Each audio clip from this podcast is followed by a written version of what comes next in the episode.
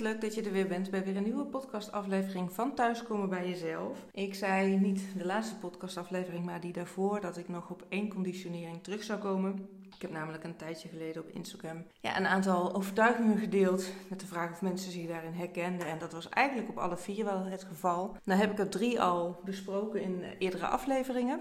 En dat was succesvolle mensen maken snel beslissingen. Je moet dagelijks posten op social media om zichtbaar te zijn. En de laatste was, je moet hard werken voor je geld of hard werken om succesvol te zijn. Nou, en degene die ik vandaag wil bespreken is, je hebt rationele overwegingen te nemen bij het maken van een beslissing. Oftewel, je hebt keuzes te maken met je hoofd. En de mensen die me al langer volgen, die weten waarschijnlijk wat er gaat komen, hoe ik erin sta en wat in lijn is met hoe ik werk en waar ik veel mee bezig ben, bijvoorbeeld met de kwantumfysica, maar ook vooral met human design, is je maakt geen beslissingen met je hoofd. Hoewel we dat wel leren in deze maatschappij, want iedereen kent wel de opmerkingen van denk er nog eens over na of weet je het wel zeker, terwijl we echt keuzes maken met ons lijf. En dat is natuurlijk wel een hele interessante om voor jouzelf dan te weten, maar hoe doe ik dat dan? Hè? Zeker als je het contact eigenlijk met je lijf wat verloren bent, omdat je ja, continu bezig bent om plus- en minderlijstjes te maken, voor- en nadelenbalans of op een andere manier keuzes te maken. Of als je iets voelt in je lijf, het daarna met je hoofd weer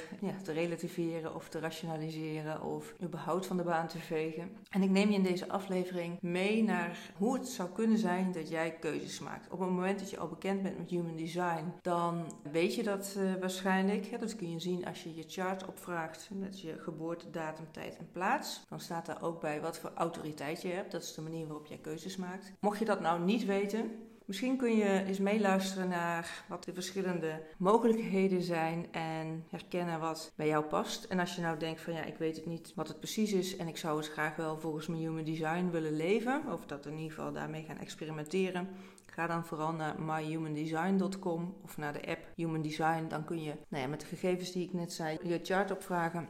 En daarmee ook ja, komt er automatisch uitgerold wat je autoriteit is. Ik loop ze even langs. De eerste is emotionele autoriteit. Dat is een groot deel van de mensen, waaronder ik zelf ook. Je zou het kunnen zien dat je emotionele golfbeweging hebt van highs en lows. Wat nou het advies hierin is, is dat je je golfbeweging van emotie afwacht. En op het moment dat die uitgeraast, dat je dan een keuze maakt. Zoals je je kan voorstellen, misschien een golf die eh, op het strand uitraast. Die heeft golfbeweging naar boven en naar beneden. En op het moment dat die op het strand aankomt, dan wordt die vlak.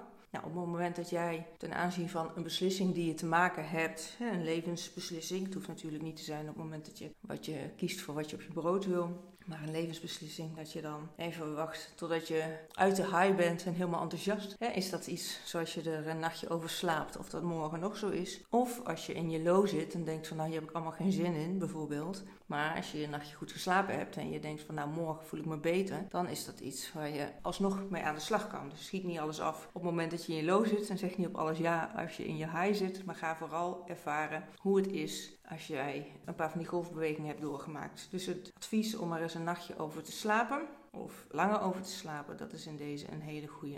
Andere is mensen die echt een onderbuikgevoel hebben, een gut feeling voelen van, ah ja, dit is het, of mm, nee, dit is het niet. Dat kan natuurlijk zijn dat jij met iemand in gesprek bent die je wat voorstelt en dat jij of heel enthousiast wordt gelijk, dat je denkt, ah, je echt in je buik voelt van yes, hier ga ik voor. Of dat je, hmm, dit is het niet. Nou, dan kun je daarmee oefenen. Wat heel behulpzaam hierin is, is om jezelf gesloten vragen te stellen. Dus dat je echt iets hebt om op te reageren met een duidelijke ja of nee. Er zijn er ook mensen die echt een hele sterke intuïtie hebben. Dus dat ze beslissen in het moment zelf, vanuit een heel zacht stemmetje wat ze horen, dat ze eigenlijk weten van, zonder dat te kunnen motiveren of verantwoorden, daar woorden aan te kunnen geven, dat ze ergens enthousiast op zijn of weten van, hé, hey, dit is wat voor mij. En dan is het wel heel belangrijk om daar goed naar te luisteren, want zo'n zacht stemmetje van je intuïtie, dat komt maar één keer. En op het moment dat jij je met je hoofd vandaan gaat, hè, mee aan de haal gaat, dan is het moment ook weer voorbij. Wat je daarin kan helpen is dat je jezelf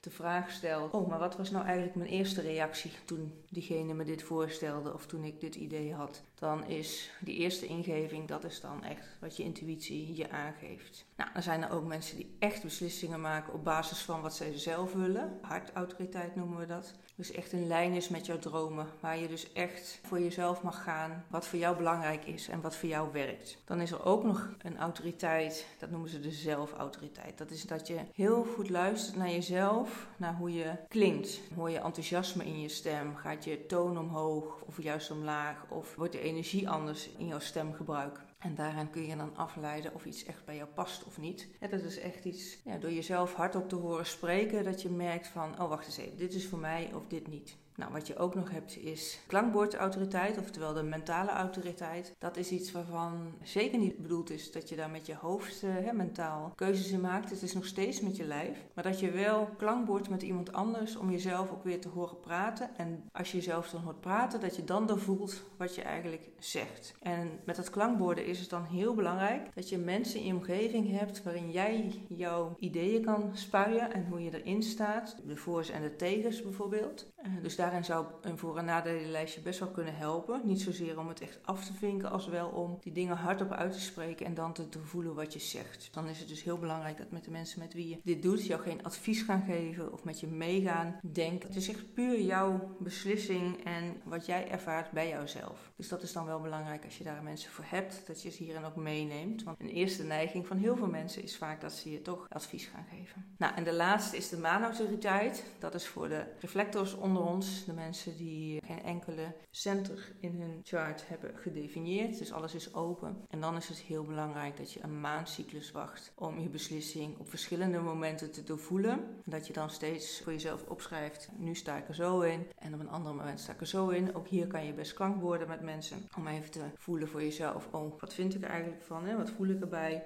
Wat vind ik ervan? Is dan weer zo'n sterke conditionering eigenlijk met je hoofd. Maar het gaat er echt om dat je het voelt in je systeem wat voor jou is. Omdat je maandcyclus lang de tijd hebt om over dingen na te denken. Moet je nagaan hoe het woord nadenken zo in ons systeem zit, in mijn systeem ook. Terwijl ik er echt mee bezig ben om veel te doorvoelen in plaats van met je hoofd te beredeneren. Maar het is dus ook belangrijk dat je jezelf die tijd gunt om echt die volle maandcyclus af te wachten. En dus ook tijd te creëren of te vragen als je met mensen samen bent. Als jij een huis wil kopen, is het natuurlijk soms best wel lastig, omdat je op de markt soms snel beslissingen moet nemen. Anders is dat huis weg. Of als je een auto koopt, dat je misschien een mooie actie ziet, maar je weet pas na een maandcyclus of het is iets wat bij je past. Nou zijn er natuurlijk keuzes die je kan maken op een snellere manier. Je hoeft niet alles een maandcyclus af te wachten, want dat zou betekenen dat je heel veel dingen moet uitstellen. Sommige dingen helemaal niet zo erg zijn als je daar een beslissing in neemt waarop je terug kan komen. Maar op het moment dat je bijvoorbeeld voor een baan gaat of voor een nieuw huis of dat je wel of niet wil verhuizen of langer uh, wil reizen, dat soort dingen, dan is het dus heel passend voor jou om echt daar langer de tijd voor te nemen. En dat is natuurlijk iets om jezelf ook aan te leren, want het is niet iets wat we meekrijgen in deze maatschappij. Er wordt vaak verwacht dat je nu beslist, of morgen, of uiterlijk volgende week. Maar een maandcyclus lang wachten, ja, dat is een lastige. En het is ook niet zo dat je